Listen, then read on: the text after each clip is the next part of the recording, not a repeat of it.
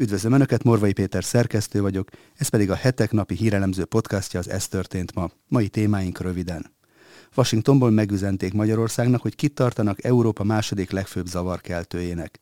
Orbán Viktornál csak Georgia Meloni olasz miniszterelnök veszélyesebb a politikó szerint, amely a Financial Times és a Time magazin után nem meglepő módon Volodymyr Zelenszkit nevezte az évemberének válaszolt az Európai Bizottság a hetek kérdésére, és ebben megerősítették, hogy 27 szuper mérföldkövet, ezen belül pedig összesen 54 feltételt kell teljesítenie Magyarországnak.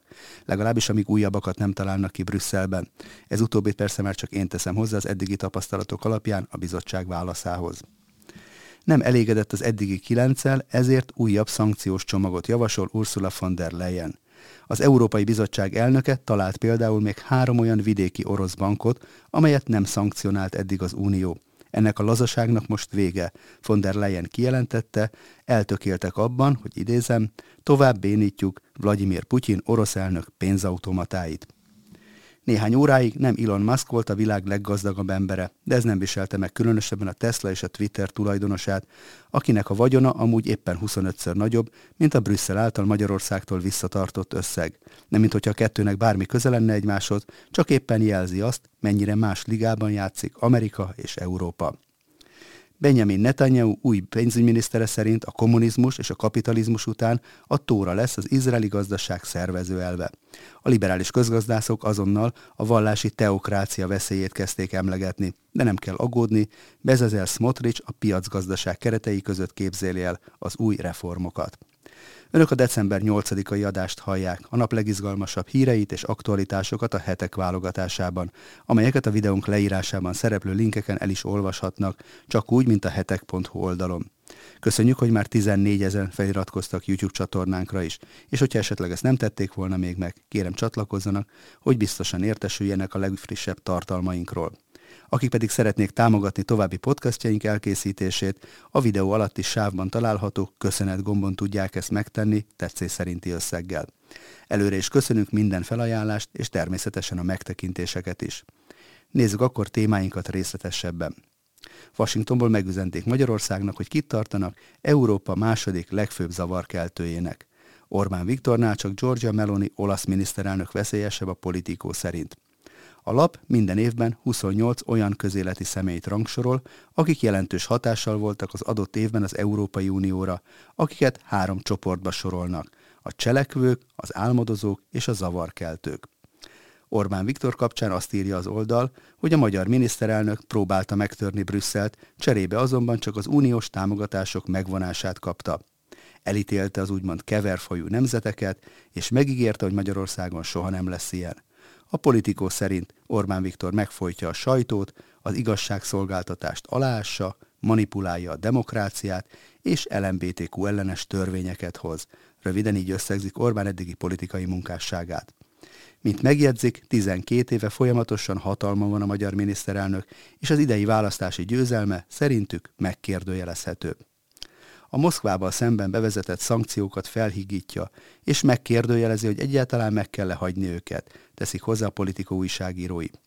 Miközben az Európai Unió igyekszik megkettőzni Kiev támogatását, azt is szem előtt kell tartania, hogy bármit is tesz Brüsszel, fennáll a veszélye, hogy azt Budapest visszacsinálja. Orbán viszont így is csak a második helyre került. Valaki még rajta is túltesz a washingtoni kormányzat európai szócsevének számító politikó szerint, és ez nem más, mint Georgia Meloni.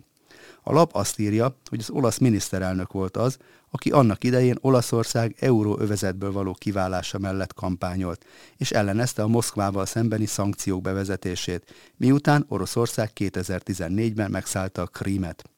Kiemelik, hogy Meloni mindeközben előszeretettel migránsozik, a gender propagandáról beszél, az abortusz pedig a halálkultúra részeként írja le, Európa iszlamizálódásától retteg, és a Black Lives Matter mozgalom támogatóit barbároknak titulálja.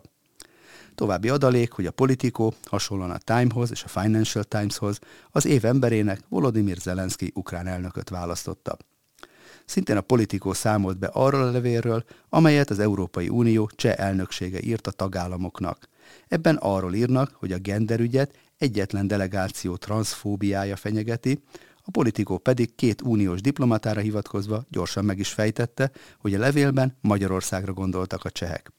A brüsszeli lap szerint a cseh elnökség az Európai Uniós nagykövetek találkozóján arra tett javaslatot, hogy gender szempontból elfogadhatóbb nyelvezetet használjon az uniós delegáció az ENSZ Montreali biodiverzitás csúcs találkozóján, és ebben megemlítse az összes gendert.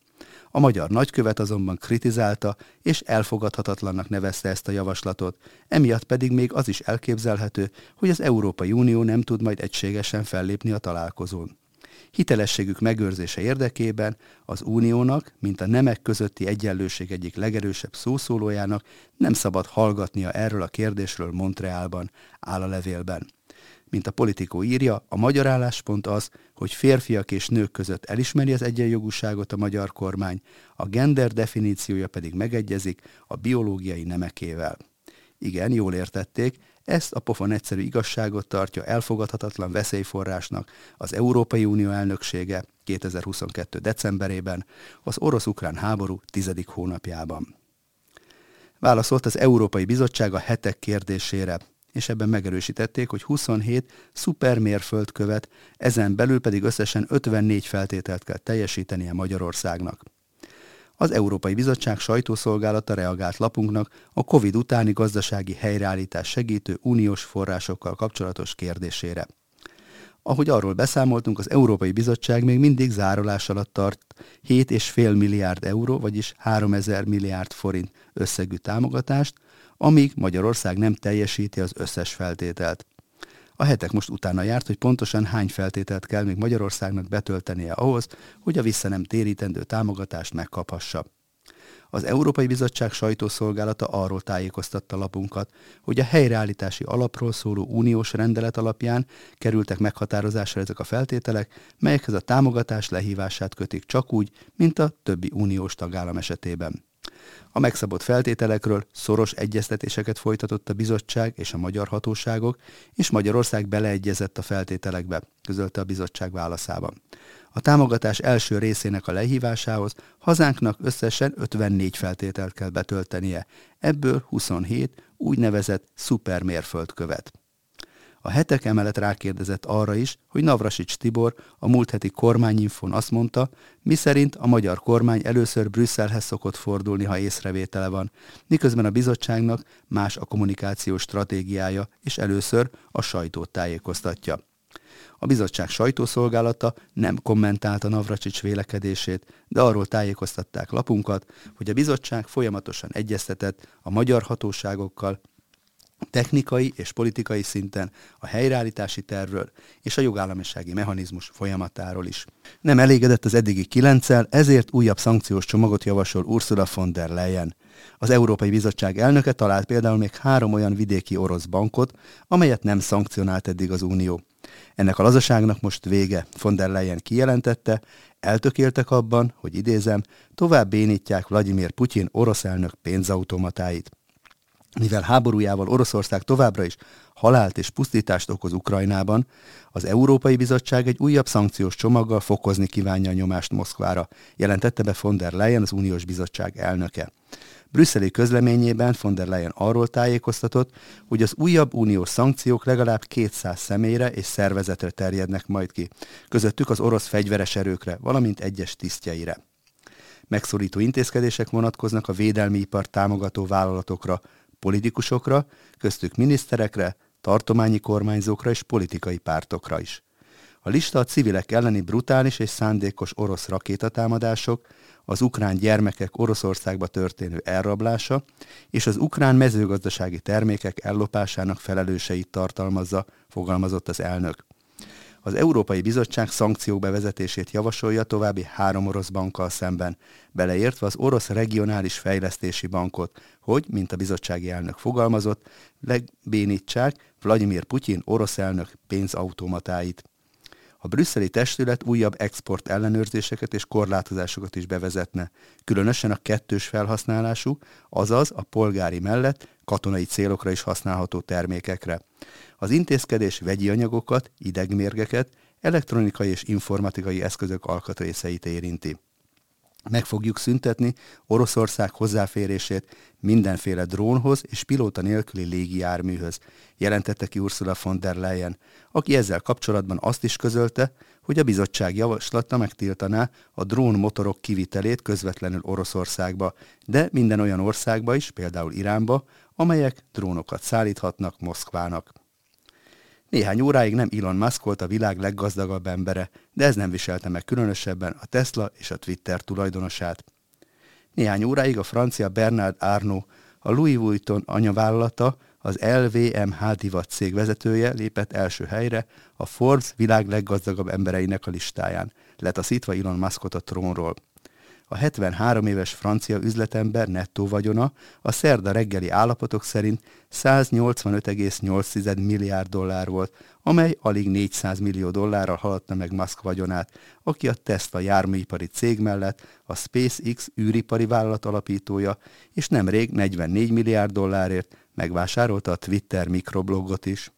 A Forbes honlapján megtalálható vagyonlistát 5 percenként frissítik, az aktuális részvényárfolyamok mozgását követve. A szerda esti állapot szerint azonban Elon Musk visszavette az első helyet 185,2 milliárd dollárral, amely újra 500 millió dollárral több Arno aktuális vagyonánál.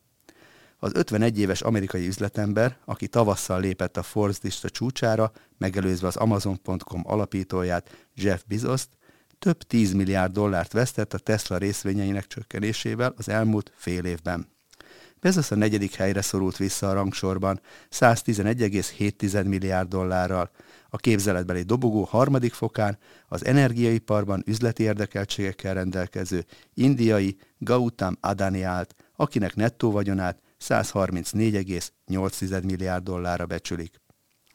Benjamin Netanyahu új pénzügyminisztere szerint a kommunizmus és a kapitalizmus után a tóra lesz az izraeli gazdaság szervező elve.